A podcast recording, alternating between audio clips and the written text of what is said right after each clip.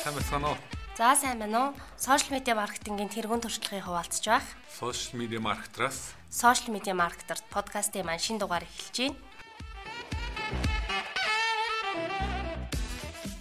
Өнөөдөр бидний ярих гол сэдв ер нь сүүлийн үед гараад байгаа шинэ өөрчлөлтүүд тэгээ биднэрт гарч байгаа асуудлууд юу вэ? Сошиал медиа маркетруудад тулгарч байгаа зүйлсүүд вэ? Шинэ боломжууд нээлттэй. Шинэ мэдээ мэдээлэл талаар юу ярилцахаар хэлсэн тий. За. За. Энэ сэдв ер нь хамгийн сүүлийн үед хамгийн Хамгийн их тохиолдож байгаас. гараад байгаа хүмүүсийн хамгийн их асуулт ирээд байгаа ийм сэдв байгаа. За хэд одоо спам хэлбэртэй гэдэг байгаа тэ нөгөө шеэрлэрээ олон группүүд рүү шеэрлдэг маш олон хүмүүсийг комент бичүүлдэг иймэрхүү лайвууд хийж байгаа пэйжүүдэд их олон асуудал гараад байгаа. Энэ юу нь ямар асуудал гарч байгаа вэ Сүүлийн үед ингээд хүмүүсийн ярьж байгаа, ирж байгаа дуудлагуудыг харах юм бол пэйжэд рестрикт одоо янз бүрийн хязгаарлалтууд их тавигдж байна. За ямар хязгаарлалт вэ гэхээр постууд нь хүн төрхөө болчдөг. За фэйсбүүкээс 7 хоногийн 14 хоногийн тодорхой хугацаатай хязгаарлалт тавилаа гэсэн мэдгдлүүд ирдэг. Ааха. За тэгээ тэр мэдгдлийнхаа хүрээнд хүмүүс харахаар постууд хийх тэр зөвхөн хэдэн админ эдиторүүд нь харагдаад босод хүмүүст ер нь ричийн тоо эрс буурчдаг. Тэгээ иймэрхүү асуудлууд их гараад байна. Тэгээ ер нь яагаад ийм асуудлууд яагаад ийм одоо манай пэйжийн хязгаарлалтууд тавигдаад байна? Хүмүүс постууд хүрхэн болчихоо гэдэг ингээд асуудлууд хүмүүс их асууж лавж байна. Гараад байна. Тэгэхээр ер нь юу болов гэдэг асуудал. Тэгээ яахаар ийм асуудлууд гараад байна. Тэгэхээр ер нь тэр пэйжүүдийн хувьд гараад асуухаа харахаар ерөөсөө нийтлэг нэг зүйл байгаа тэр одоо хязгаарлалтууд тавигдаад байгаа пэйжүүд байв. Юу вэ гэхээр маш олон шеэр, комент, бүрийн бичүүлдэг лайвууд их хийдэг. Бэлэгтэй лайв гэдээ хийдэг. Тэгээд бэлэг авахын тулд та тэдэн групп шеэр хийгээрэй, тим найзуудаа меншн хийгээрэй. Ингэрэй гэсэн ийм одоо шалгуу, даалгаврууд өгдөг тийм. Тэр нь одоо бэлэгтэй болохоор Хүмүүс дуртай. маш олон хүмүүс лайк шеэр хийдэг юм байна. Олон группүүд рүү шеэрлдэг юм байна. Олон найзуудаа меншн хийдэг юм байна. Ингээд ийм асуудлууд их одоо лайвд их хийдэг. Тэр нь ч гэсэн яг уу тухайн хүртээмж болон engagement одоо оролцооны хувьд тухайн пэйжийн хувьд маш сайн өндөр үзүүлэлтүүд гаргаж ирдэг. Тэгээ тэр нь бизнесийн хувьд ч гэсэн маш сайн үр дүн авчирдаг юм байна л да тийм. Тэгэд иймэрхүү зүйлүүд хийдэг пэйжүүдийн хувьд л одоо хязгаарлалтууд маш их тавигдаад Ямар байна. ямар хязгаарлалтууд вэ? Та та- тавьж байгаа хязгаарлалт нь болохоор ерөөсөө тийм. Ерөөсөө постын хүртээмж байхгүй бол. Ааха. Постын хүртээмж гэдэг нь танаа хийж байгаа постууд ерөөсөө хүн төрхөө болно л гэсэн. Ааха. Цөөн хідэн админ эдиторуудын хүрээнд л харагдана. Өөр юм байхгүй болчихно. Хоёрдугаарт нь нөгөө талаас өөрчлөлтүүд хийх тухайн пэйжүүд дээр өөрчлөлтүүд хийх хязгаарлалтай болчихно. Нэр солих, өөр пэйжтэй нийлүүлэх мөлүүлэх гэдэг ингээд тодорхой одоо өөрчлөлт хийх ийм боломжгүй болчдөг.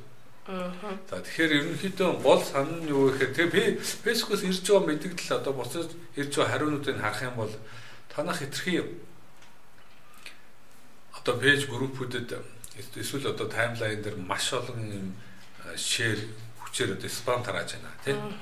Энэ нь ер нь бол бусад хүмүүсийн эрхэнд халдаж байгаа үйлдэл гэж үзэж байгаа юм л. Тэгээ тийм учраас аль болох одоо тийм хүмүүсийн эрхэнд халдаад байгаа спам тараагаад байгаа пэйжүүд дээр хязгаарлалтууд тавьж байна л гэсэн. Тэгээ тэгэнгүүт яг тухайн пэйж яг ийм одоо үйлдэл хийдэг пэйжүүдийн хувьд болохоор нөгөө постууд хүнд харагдах юм болчоор бүр дахиад илүү олон өндөр бэлэг амлаад тий илүү их спам хийгээд ингэж эхэлт юм байна л да. Одоо манай дахиад лайвууд цацж эхэлдэг. Яагаад гэвэл зүгээр ердийн органик постууд нүнд хүрэхгүй болчдөг. Таг болчдөг. Тэгэхээр дахиад лайв хийгээл илүү өндөр бэлэг амлаад дахиад шеэр хийгээрээ меншн хийгээрээ лайк дараараа гэдэг ингэ явчихдаг. Ингээд ирэхээр Facebook дахиад хугацаануудыг нөгөө одоо хязгаарлалтын хугацаа сунгаад ингээд илүү бүр цаашаа хугацаа сунгахаас гадна дахиад илүү асуудал гарах магадлалууд бүр өндөр болчиход Бүр пэйжийн хувьд ч гэсэн хаагдах магадлал магадлал байна гэсэн үг тийм.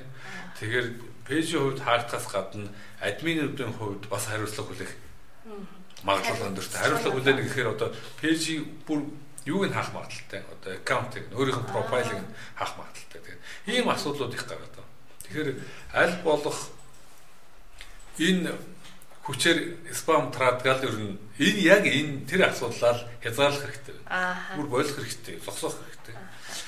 Тэгэхээр одоо жишээлбэл ерөнхийдөө гол санааны юм гэсэн. Бидний хариуцдаг ажилуулдаг группүүд дээр нэг мэтгэл хичнээн янзын лайвд шеэрлэх хүмүүс тийм манай группт ямар ч хамааралгүй зүгээр л нэм борлуулалт янз бүрийн лайвд шеэрлдэг. За тэр лайвуудыг бид нар устгахаас арга байхгүй. Тэр дор устгахаас арга байхгүй. Тэгээд бүр хүмүүсийг яг оруулж байгаа хүнийг блоклох болгоглоод тэг хасаад ингэдэг тийм асуудлууд их гардаг. Тэгэхээр эн чинь өөрөө бусад хүмүүсийн эрхэнд талдж байгаа үйлдэл гэж үзэж байгаа юм билээ. Одоо тэндээс ирж байгаа зүйл. Нэгдүгürt. За хоёрдугаарт угаасаа спам тараана гэдэг өөрөө дахиад фэйсбүүкийн хувьд маш их асуудал гаргана. Тэг зөв болсон болоогүй мэдээллийг хүссэн хүсээгүй хүмүүсийн таймлайн дээр хүчээр гаргаж бол ийм үйлдэл шүү дээ тийм. Тэгээд тэр чинь өөрөө дахиад фэйсбүүкийн хэрэглэгчдэд хүртэл асуудал үүснэ. Хэрэглэгчдийн тоо буурахад л нөлөөлөх юм магадлал байна гэсэн үг тийм. Тийм учраас фэйсбүүк бол ер нь энэ спамтай бол хатуу тэмцэж байгаа. Тэгээд тэрнийхээ одоо тэмцлийнхаа юуг л илүү өөр шатанд авчирж байна тийм админуудтай тийм пэйжүүдтэй хатуу хариуцлага хүлээдэг юм л болж байгаа юм билээ. Тэгвэл захирлаа одоо яг нэгэнд одоо ийм сануулга авсан пэйжүүд гэж магадгүй шүү дээ. Тийм. Иймэрхүү пэйжүүд ер нь яг яах ёстой бол одоо юу хийх бэ? Гэхдээ одоо ингээд пэйжүүдийн хувьд янз бүрийн тийм лайв хийдэг, энэ байнга тогтмол хийдэг юм байсан бол Facebook угаасаа хязгаарлалтууд тавиад эхэлсэн юм шиг тодорхой хугацаа өгсөн байна. 7 14 хоногийн хугацаанд өгсөн. Тэгэхээр одоо өнөөдрөөс жишээлбэл 7 хоногийн хугацаа хэм 11 сарын 5 хүртэл тодорхой пэйжүүдийн постуудын хүртээмж хүрх хүртээмжийн тоо бол эрс буурчихсан байна. Энэ хооронд дахиад тийм лайв хийх юм бол ерөөсө бүр өс зогсоох хэрэгтэй. Зүгээр энэ хооронд биш энэ угаасаа цаашаа үргэлжлүүлэх болох хэрэгтэй тийм. А үргэлжлүүлэхгүй за бусад хүмүүсийн хувьд энэ хязгаарлалт тогтоосон байх үед нь дахиад одоо лайк, шеэр, коммент ийм лайвууд хийгээд ингээд эхлэх юм бол хугацаанд цаашаа сунаалах юм бэл. Аа. Ерөөсөө бүх постууд хязгаарлалтын хугацаа 7 хоног байсан бол 14 21 хоног гэдэг ингээд нэмэгдээ яваад байгаа байхгүй. Тэгээ тийм учраас ерөөсөө энийг шууд зогсоох хэрэгтэй. За нэгдүгürt угаасаа ийм лайв хийж одоо борлуулалтын болон маркетингийн ажлуудын идэвхжүүлэлтийн ажлууд хийдэг бол ядчил энэ шеэр хий гэдгээр зогсоох хэрэгтэй хүмүүсийн таймлайныг бусад группүүдийн админуудын дургу хөдлөж группүүдийг ийм спамаар дүүргэж байдаг юм болох хэрэгтэй. Одоо тэгээд ер нь спам цацдаг иймхүү маркетингийн ажил хийж байгаа бол одоо тэр нэг бүр бойл тийм. Энэ бол маркетинг биш ээ зүгээр спам. Тийм, спам аа. Тийм, спам бол одоо имэйл спам бол аль хэдийн явах болсон. Аа. Сошиал спам бас л явахгүй байх одоо магадлал харцсангуй өндөр болж байгаа. Ягаад тэгэхээр тэн дээр одоо ийм их асуудлууд гаргахдаа яаж тэмцэх үү гэдэг фэйс гаргуудаа болж эхэлж байна тий. Тэгэхээр ерөөсөө энэ зүйл дээр одоо зогсоогоод илүү зоригтой илүү утга учиртай харилцаа үүсгэх тал дээр л анхаарал гэж байна.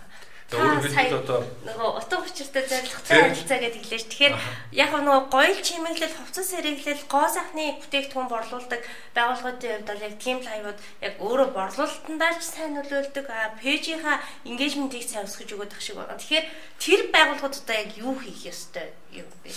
Нэгдүгээрт лайв хийвэл Тэг бүтээгдэхүүнээ танилцуулж болно шүү дээ. Аа. Илүү гоё талаас нь хүмүүст хэрэгтэй талаас нь эсвэл одоо тэр гоё чимгэл байдаг бол одоо зүгээд харуулад үзүүлээд тэгээ тэрнийхээ хийц чанар энэ талаар нэрж болно. Тэрнээс хүчээр одоо хүмүүст тэгж спам байдлаар харуулдаг байдлаа болох хэрэгтэй. Нэгдүгээр тэр юус хамгийн түрүүнд спам түгээж болохгүй. Тэгээ энийг бол хавтуу анхаарах хэрэгтэй. За хоёрдугаарт одоо сорхиж болох хэрэглэгчтэй зориулсан хэрэгтэй мэдээлүүд тийм зөвлөгөө зааврууд бэлтгэдэг юм уу? Байнгын одоо хариу үйлдэл харилцаа үүсгэх талаас хүмүүс коммент биш асуувал тэр доор нь хариулдаг. А дээрэс нь тэр мэдээллүүдээ дахин дахин хүмүүстэй хэрхэн одоо хуваалцах эсвэл мессенжер ботоор дахин дахин мэдээлэл солилцож байх энэ талаасаа зайлшгүй бодох хэрэгтэй болсон. За лайв хийлэхэд лайв чин өөрөө заавал одоо тийм нэг дор асар олон хүнийг тогтоом барих гээд үзээд байгаа л үйлдэл болчиход байгаа байхгүй. Бэлэг өгнө та нар үзчихээ дээрээс нь бэлэг өгнө та нар шеэр хий тийм үгүй тэр чинь сонирхгүй байгаа хүмүүсийг хүчээр бариад байгаа үг. Тэгээ өөр хэлбэл сонирхгүй байгаа бол танаас судалдаа авалт хийхгүй шүү дээ тийм. Тэг учраас тэр хүмүүсийг одоо тэгээд заавал хүчээр бариулах одоо болох хэрэгтэй л гэсэн. Тэгэхээр нөгөө зоригтой контентуудаа сайн бэлдэж. Тийм төлөвлөгөө төлөвлөгөөгөө сайн гаргах Тэгээ ямар хүмүүс танаа хэрэглэгчдэг, ямар хүмүүс бодит одоо худалдан авахчдаг тий тэр хүмүүстэй хэрхэн хандаж хүрэх вэ гэдэг тэр. Сонирхолгүй хүмүүсийг л барайл хүчээр байлгаал ингээд тэр хүмүүсийг хүчээр бэлэг өгөөл. Тэр хүмүүсийг болохоор сонирхолгүй тэрсний зүгээр танахаас худалдаа авалт хийхгүй хүмүүсийг хүчээр бариад дээрэс нь тэр хүмүүсийг нэг юм хэрэгтэй хүмүүст хүргэдэг маркетингийн ажилтан болгож ажиллаулаад байгаа хгүй юу тийм? Голод одоо санаа тэр нөгөө шеэр хийлгдэг гол санаа. Тэр хүмүүс шеэр хийхээр танай одоо зорилттой хэрэглэгчдэд хүргэх байх гэж найдаж одоо тийм ажил хийгээд байна. Одоо үнэхээр тийм зорилт хэрэглэгчтэйгээ одоо тийм байнгын харилцаа тогтоож амжаагүй бол тэр талаар ажил гэсэн.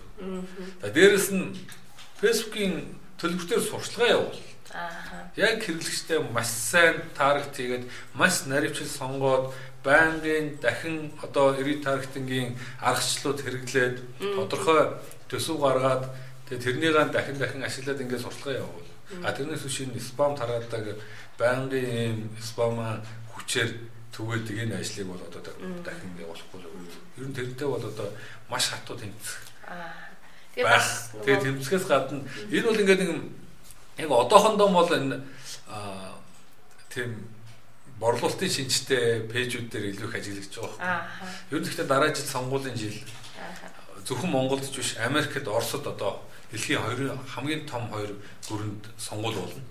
Ерөнхийлөгчийн сонгуулиуд. Тэгээд тийм учраас Facebook бол үнэхээр яг иймэрхүү спам тараадаг, үнэн зөв мэддэхгүй худлаа мэдээ тарих угаах гэсэн орлоготой бол хатуу тэмцэх байна. Тэгэхээр Энэ бол угаасаа явааргүй ажиллаа. Анхнаасаа ч тийм үр дүн сайтай байгаагүй бах. Одоо бол бүр одоо боломжгүй болж байгаа зүйл гэсэн. Тэгэхээр өөр зүйл анхаарал хандвал илүү чанартай контентуудад анхаар илүү төлөвлөгөөтэй ажил, зорилготой контентууд бил, дараалалтай контентууд бил. Дээрээс нь нөгөө нэг хэн танаа хэрэглэгч вэ персононуудаа болсуулж гаргах тийм. Ингээл ерөөсөө энэ зүйл дээр л анхаарахгүй бол тэгээ төлбөртэй сурчлагаа үр дүнтэй хийх тал дээр илүү сайн суралцаа. Тэгэхээр ер нь бол ингээд товч бөгөөд тодорхой энэ яг энэ гараад байгаа асуудал товч бөгөөд тодорхой нэг л хариулт байгаа. Спам бойл. Ааха. Тэгээ спам тал байл. Одоо хэрэгтэй хүмүүст нь хэрэгтэй цагт нь хэрэгтэй мэдээлэл өгөх тал дээр л маркетинг ажиллах болохоос биш хэн хамаагүй зүйл юу хамаагүй тархааж байдаг энэ талбар сошиал одоо бүр болсон болж байна тий. Тэгээ энийг одоо болох хэрэгтэй л гэсэн. Тэгэхээр лайвынхаа утга агуулгыг ч гэсэндээ жоохон сонирхолтой яг зорилттой хэрэглэгчийнхээ сонирхлыг татаж явах талаас нь харах хэрэгтэй. Тодорхой нэг сэдв барьж аваад яг тэр сэдвийн дагуу тодорхой хүн хэрэгтэй мэдээлэл өгөх талаас нь л лайв бодол тий. Аа Гэхдээ борлуулалтын шинжтэй бүтээгдэхүүнээ танилцуулах лайв байж болно. Гэхдээ тэр сонирхож байгаа хүнд нь л хүргээд тэднэрт хэрэгтэй мэдээлэл болгож өөрчилтэй. Тэрнээс биш спам тараадаг тийм хэрэглүүр болгож ингэж ашиглах юм болох хэрэгтэй л байна.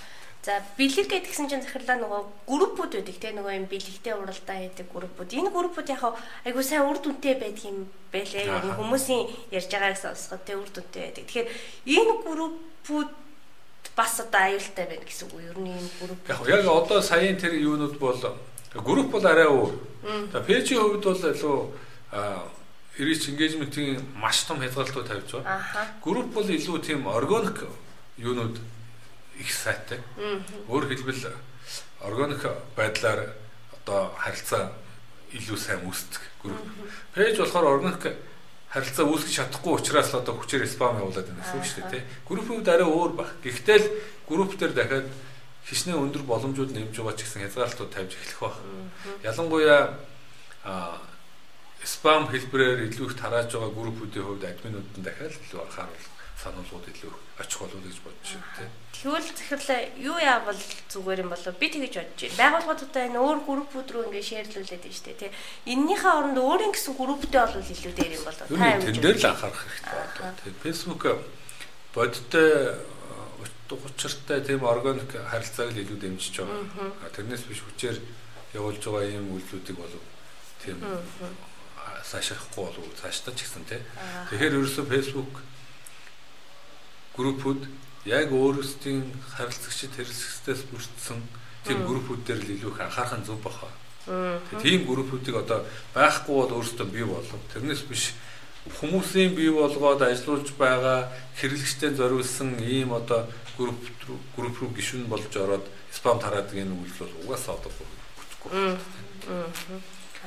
За дараагийнх нь хоёлаа аа Facebook өчигдөр үржидраас саяхнаас шинэ лого зарласан. Аа. Гэхдээ яг Facebook компани Facebook аппликейшныхаа аппликейшнаас өөр логотой болсон гэсэн үг. Аа за. Тэгэхээр яг Facebook аппликейшныхаа логоноос компанийнхаа логог ялгаж гаргасан. Аа за. Том том үсгээр бүгдийг бүх томор оруулсан. Тэгэхээр яг Facebook Facebook өөрөө зөвхөн Facebook аппликейшнаас гадна маш том олон мобайл аппликейшнуудыг эзэмшдэг. Instagram байна. Тэр тэр бумгаар хэрэглэгчтэй. WhatsApp байна. Дахиад тэр бүм тэр бүм хэрэглэгчтэй. Messenger байна. Дахиад тэр бумгаар хэрэглэгчтэй тийм. Ийм олон аппликейшн одоо эзэмшдэг. Тэгээ тэрнийг хүмүүс мэддгүй юм байл. Ааха. Маш бага хувь нь мэддэг гинэ. 3-ны 1 нь Facebook Instagram-ыг, Facebook, WhatsApp-ыг эзэмшдэг одоо компани шүү гэдгийг мэддэг. Тийм учраас Facebook-ийн хувьд Instagram, WhatsApp эднийг манайх эзэмшдэг шүү гэдэг юм тэмдэг мэдээлэл хүмүүс хүргэхийн тулд одоо жишээлбэл одоо энэ дээр харагдаж байна. Instagram-ын лого бол made by одоо by Facebook гэдэг нэртэй тийм.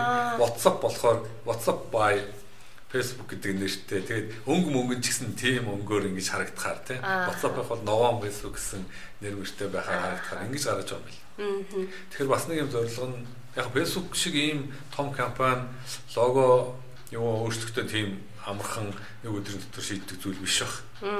Аа гэхдээ дахиад гарч байгаа шаардлагын хувьд болохоор Facebook аа аппликейшныхаа логог компанийн логоноос ялгаж харуулж байгаа нэгдүгээр тийм. За хоёрдугаарт болохоор Instagram, WhatsApp энэ одоо аппликейшнуудаа манай мэдлийн зүйл шүү гэдэг бас хэрэглэгчдэд зах зээлд таниулах. За дээрэс нь Facebook сүүлийн үед ер нь хэрэглэгчдийн тоогооч гэсэн нийлүүлж багцалж мэдээлдэг болсон. Одоо жишээл 2.8 тэрбум хэрэглэгч манай экосистем аппликейшнуудыг бүгдийг нь ашиглаж байна гэдэг юм мэдээлэл. Өөрөөр хэлбэл Facebook, Facebook Messenger, Instagram, WhatsApp эднийг нийлээд 2.8 тэрбум идэвхтэй ашиглаж бай сар болгоно хэрэглэгчтэй тоо гэдэг ийм мэдээллүүдийг бас дамжуулдаг. Мэдээлдэг болсон. Тэгэхээр эндээс харах юм бол Facebook-ийн хувьд бол ер нь ингээд ганц Facebook гэдэг юм байхгүй шүү тий. Экосистемээр бид нар бол 2.8 тэрбум хэрэглэгчтэй юм том экосистем байгаа шүү.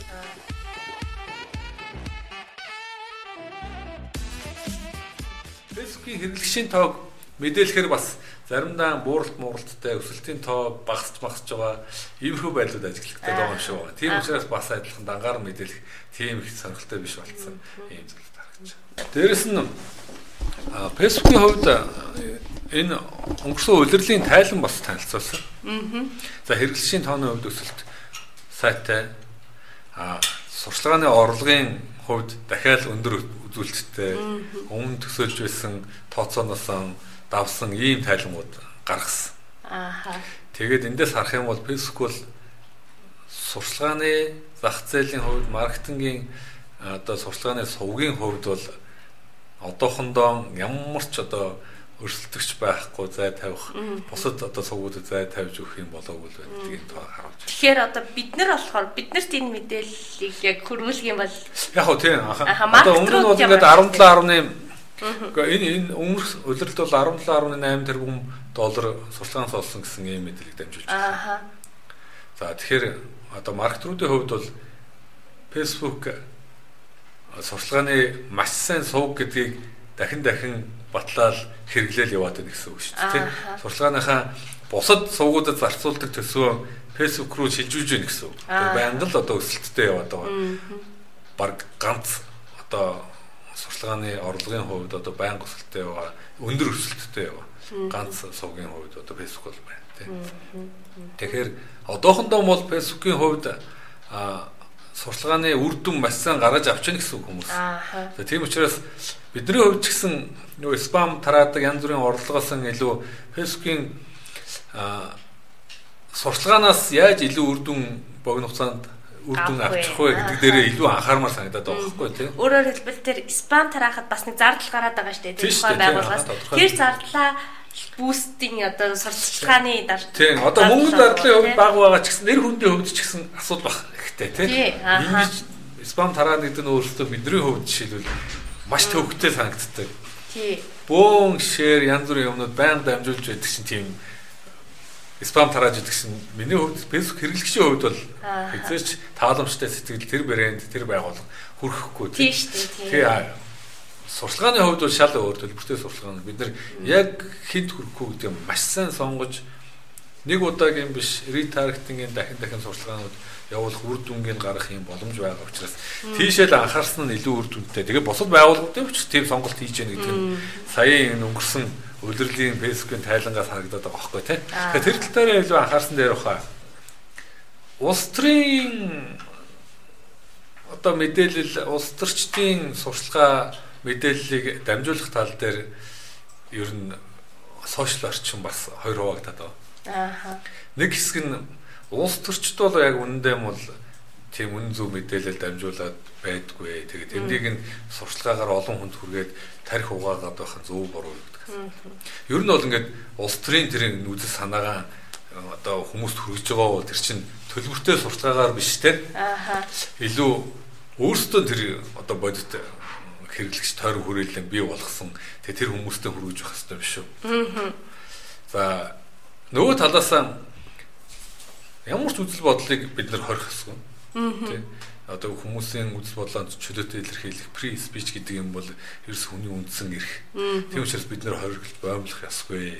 Тийм учраас одоо тэр сайн муу үзэл бодол биш. Тийм аль нь ч гэсэн хүрэх юм чөлөөтэй талбар байх хэрэгтэй манай хувьд гэсэн. Ийм л одоо хоёр тал болоод ингээд үз одоо мэтгэлцэж байгаа.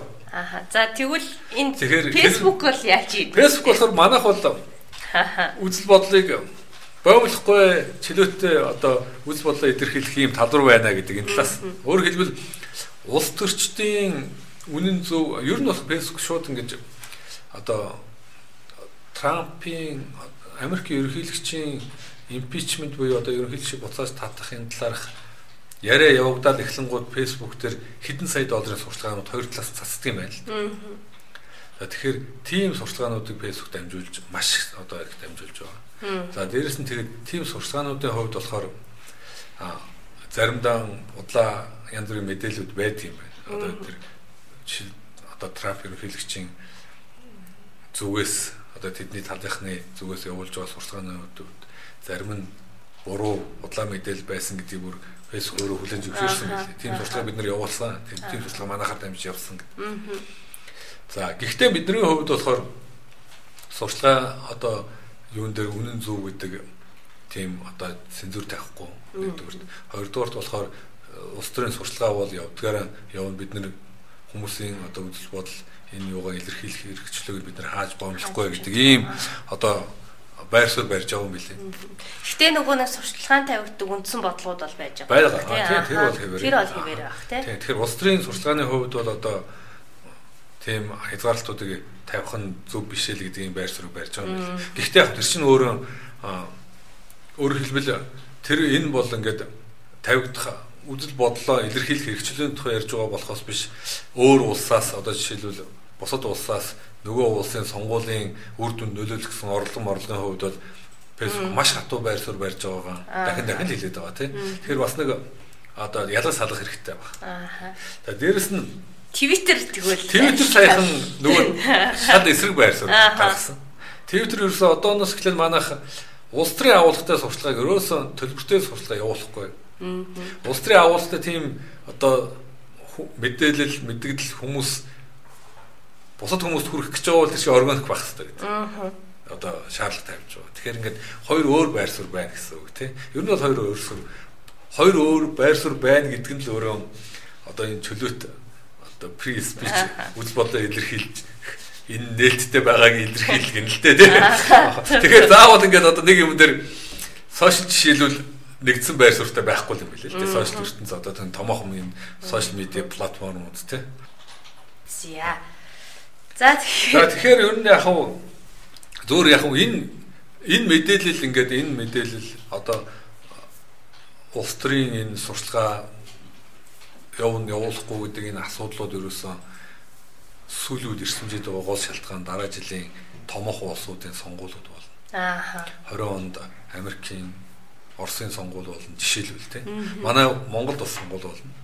Тэгэхээр ер нь манай улс төрч гэсэн бас манай маркет руу сошиал маркет руу ч гэсэн анхаарах юмнууд нь бидний хувьд ч гэсэн асуудлууд их гарна шүү л гэсэн. Аа. Уруу зөрүү юм хийдэг, хүмүүсийн тарих тоглоогоо угаадаг, худлаа мэдээлэл дамжуулдаг, тэгээд спам тараадаг ийм бол дараа жил бол бүр их асуудал учрах байх шүү. Одооноос ер нь маркетингда органик ойлгомжтой, утга учиртай, зоригтой ийм аргачлалуудыг хэрэглэж явсан дээр багш шүү гэсэн үг тийм. Улс төрийн PR-чтаас анхаарах хэрэгтэй байх. Нар одоо анхаарч байгаа хоо. Надад хэлээгүй. За тэгвэл хайда дараачихын сэдвлүүгээ орё. Ерөнхийдөө одоо нөгөө Instagram stories хийсэх шинэ функц гарсан байсан тийм. Тийм ээ. Одоо яг Instagram дээр Ер нь Instagram өөрөө одоо хамгийн өндөр өсөлттэй байгаа олон хэрэглэгчтэй томоохон платформ, сошиал платформ болоод үлдчихэд байгаа ер нь Instagram өөр.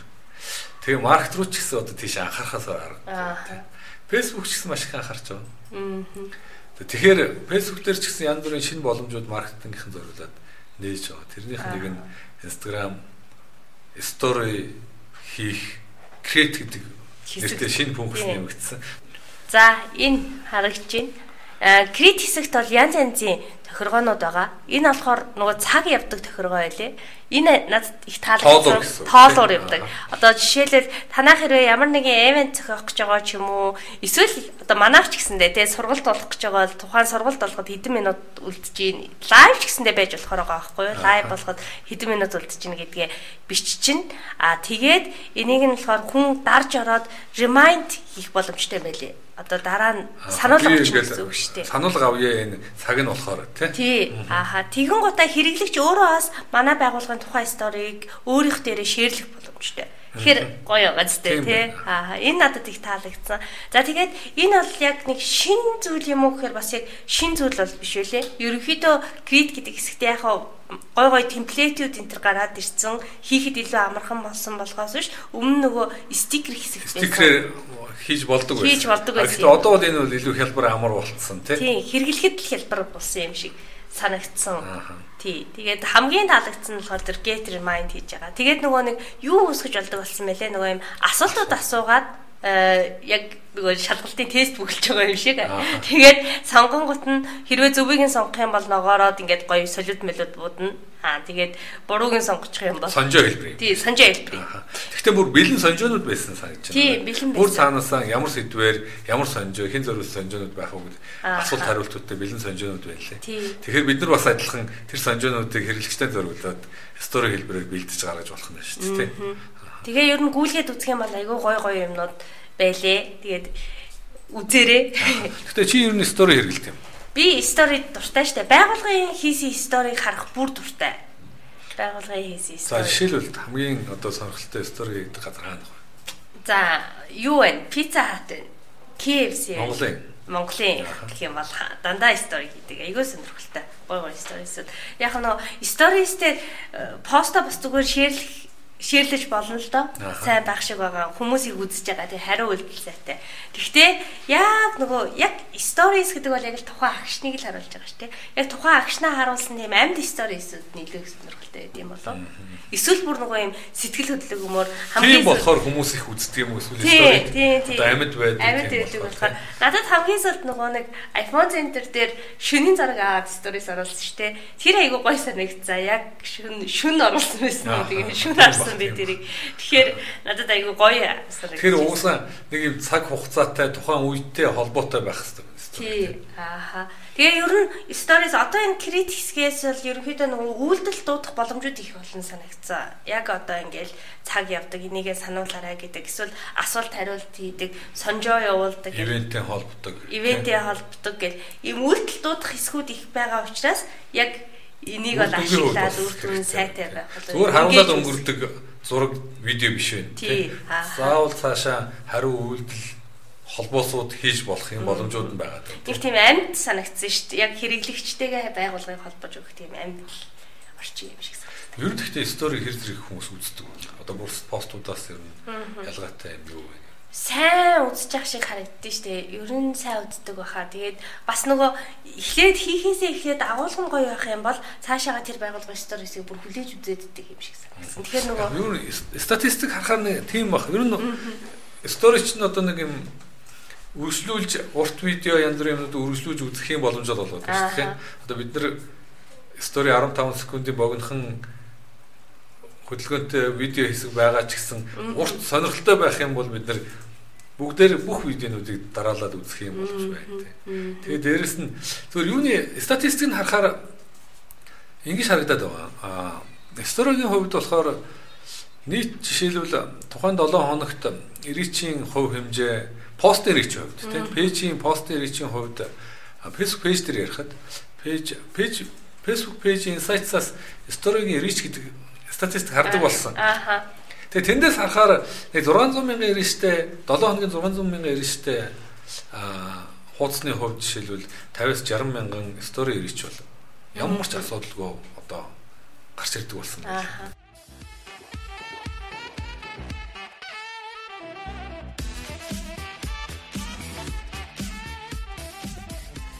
Тэгэхээр ер нь стори бол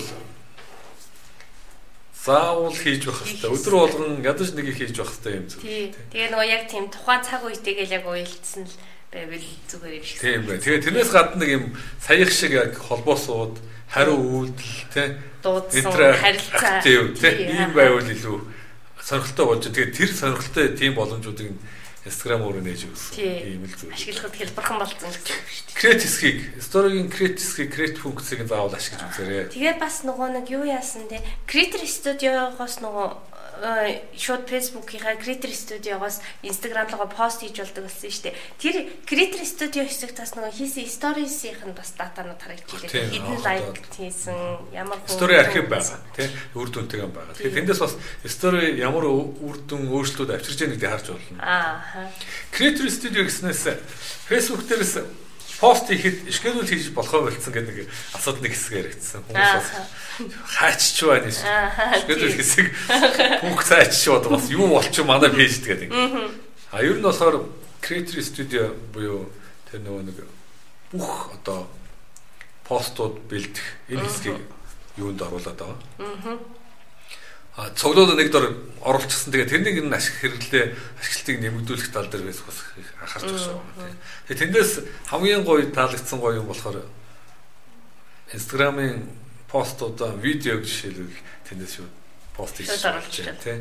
А юугаан IGTV оруулчих бол. Ааха. 10 минутын видео Instagram руу оруулах бол одоо IGTV руу компьютер дээрээс оруулдаг боломжтой болсон.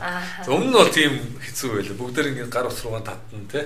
Дараа нь гар уснасаа тийм бөөн ажил болдог. Тэгээд тийм их ажил болдог болохоор бас их хурдан амархан хийж болдгоо. Ийм асуудалтай байсан бол одоо бол Creative Studio маш хэлбэрхэн гоё болцсон байна. За өөр ер нь гоё сонирхолтой юм юу вэ нэр? Өөр ч нэг сонирхолтой юм байна. Creative Studio. Юу яг сүүлийн үед одоо органик одоо нэг юм спамууд ажиллахгүй болчиход байна тийм янз бүрийн хязгаарлалтууд их тавьдаг болсон. Органик хүртээнд юу нэмэгдүүлэхэд хамгийн хэрэгтэй гоё анхаарах юмнууд юу вэ? Комент хамгийн гол нь комент. Яг комент бичүүлэхийн тулд захирлаа бас нөгөө бооттойгоо сайн холбох хэрэгтэй болов уу гэж бодоод байгаа шүү дээ. Тийм гэхдээ нэг бас яг нэг юм байгаа юм байна. Тэр нь нөгөө нэг all comment харагдуулдаг болсон байлээ тий.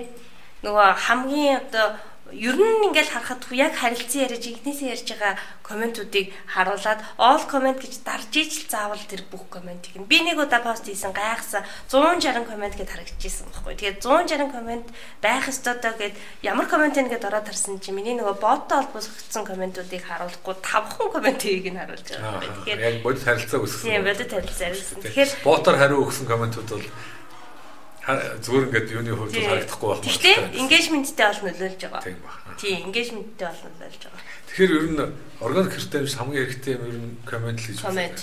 Ер нь бодит харилцаа үүсгэж байна л гэсэн үг тийм. Тэрнээс биш нэг шеэр хийчээд лайк дарчаад орчих чинь гэсэн үг шүү тийм. Тэгээд дээрэс нь нөгөө нэг комент авч байгаа бол коменттай заавал комент reply байгууллагууд өөрсдөө хийх хэрэгтэй. Тэгээд тэр нь болохоор нөгөө жоох юм сонирхолтой байдлаар хийж явах хэрэгтэй юм шиг үлээ. Яг жигнэсээ хүн ярьж байгаа тий. Зүгээр нөгөө нэг хуулаад тавьчихсан бэлэн хариултууд копи паст хийх юм болоод тий. Тий. Яг жигнэс та нөгөө нэг нэг лайв дээр ярьж исэн тий. Юу яах хэвээр одоо хүмүүс болохоор яг өөртөө ийм цагтаа комент reply хийх цагтаа үедээ пост хийж үедээ тий завтаа үедээ пост хийж явах хэвээр. Эсвэл пост хийдэг үедээ нэг 30 минут юм уу комент комент ирвэл хариулах зав гаргаж авах хэрэгтэй. Ер нь болохоор айл болох бодит харилцаа үүсгэх тал дээр л Facebook анхаарч байна гэсэн. Тэрнээс биш хит автоматжуулахад бас асуудал ихтэй. Тэ. За дээрэс яг автоматжуулсан ашгүй шаардлагатай. Тэгэхгүй бүтэхгүй байсан. За дээрэс нь спаман бол ерөөсө бүр болоо л гэж дахин дахин хэлэх гээд байгаа шүү дээ. Тий. Зорилготой комент яг нөгөө хэрэглэгчээ бас сайн ойлгох хэрэгтэй тий. Маркетингийн одоо дадлага туршлага мэрэгжил хэрэгтэй байна л гэсэн. Ааха. Тэрнээс биш зүгээр ингээд олон хүн шууруулад тэрэл дагаж хөөрөө төөрөөд яваад идэг юм шүү дээ. Тэр бол одоо яг хав зарим үед сайн вайрал одоо маш сайн контентууд байна. Угсаа сошиал тим орчин. Тийм. Гэхдээ нэг удаагийн вайрал контентоор хурц ирсэн хүртээмж оролцоог яаж одоо жинхэнэ үнэж хэрэглэгч болох вэ гэдэг бол дахиад өөр асуудал болчиход байгаа юм тийм. За подкаст сонсогчдоо манай компани зүгээс нэг бэлэг үлдсэн байгаа. Ямар бэлэг байгаа лээ захирлаа. Яг бидний хувьд болохоор сонсогчдоо зориулаад энэ удаагийн ер нь цааш цаашдаа ч гэсэн үргэлжлэх юм тий. Өөр өөр бэлгүүд бэлтгэхээр. За энэ удаагийн подкаст сонсогчдоо зориулаад сошиал медиа маркетингийн сургалтанда 50% хөнгөлөлтөд суралцах хэрэг юм чи тий. Боломж олгож байгаа. Тэгэхээр манай энэ подкастын description хэсэгт 50% хөнгөлөлтөд бүртгүүлэх линк байгаа. Ороод бүртгүүлэх юм бол дараагийн одоо энэ удаагийн сошиал медиа маркетингийн сургалтанд 50% хөнгөлөлтөд бүртгүүлэх юм эрхээ бичиг очих байгаа шүү. Ааха. За. Тэгэхээр өнөөдрийн подкастын хувьд ингээд дуусчихна. Тэгэхээр яг дараагийн хувьд дараагийн подкастаар бид нэр баяр өгч байгаатай холбогдуулаад ер нь сошиал медиа Ялангуяа Facebook дээр сурчлагаа төлбөртэй сурчлагын хувьд хамгийн одоо хямд зардлаар сурчлагын зардлаа хэрхэн бууруулах вэ гэдэг энэ талаар бас ярилцахаар бэлдсэн. Ааха. Тэгээд тун удахгүй дараагийн подкастаар уулзъя. Баяртай. Баярлалаа баяртай. Батгаусаас маркетер Номон Баатарчлуунаар энэ удаагийн подкастыг бэлтгэн хүргэлээ. Баяртай.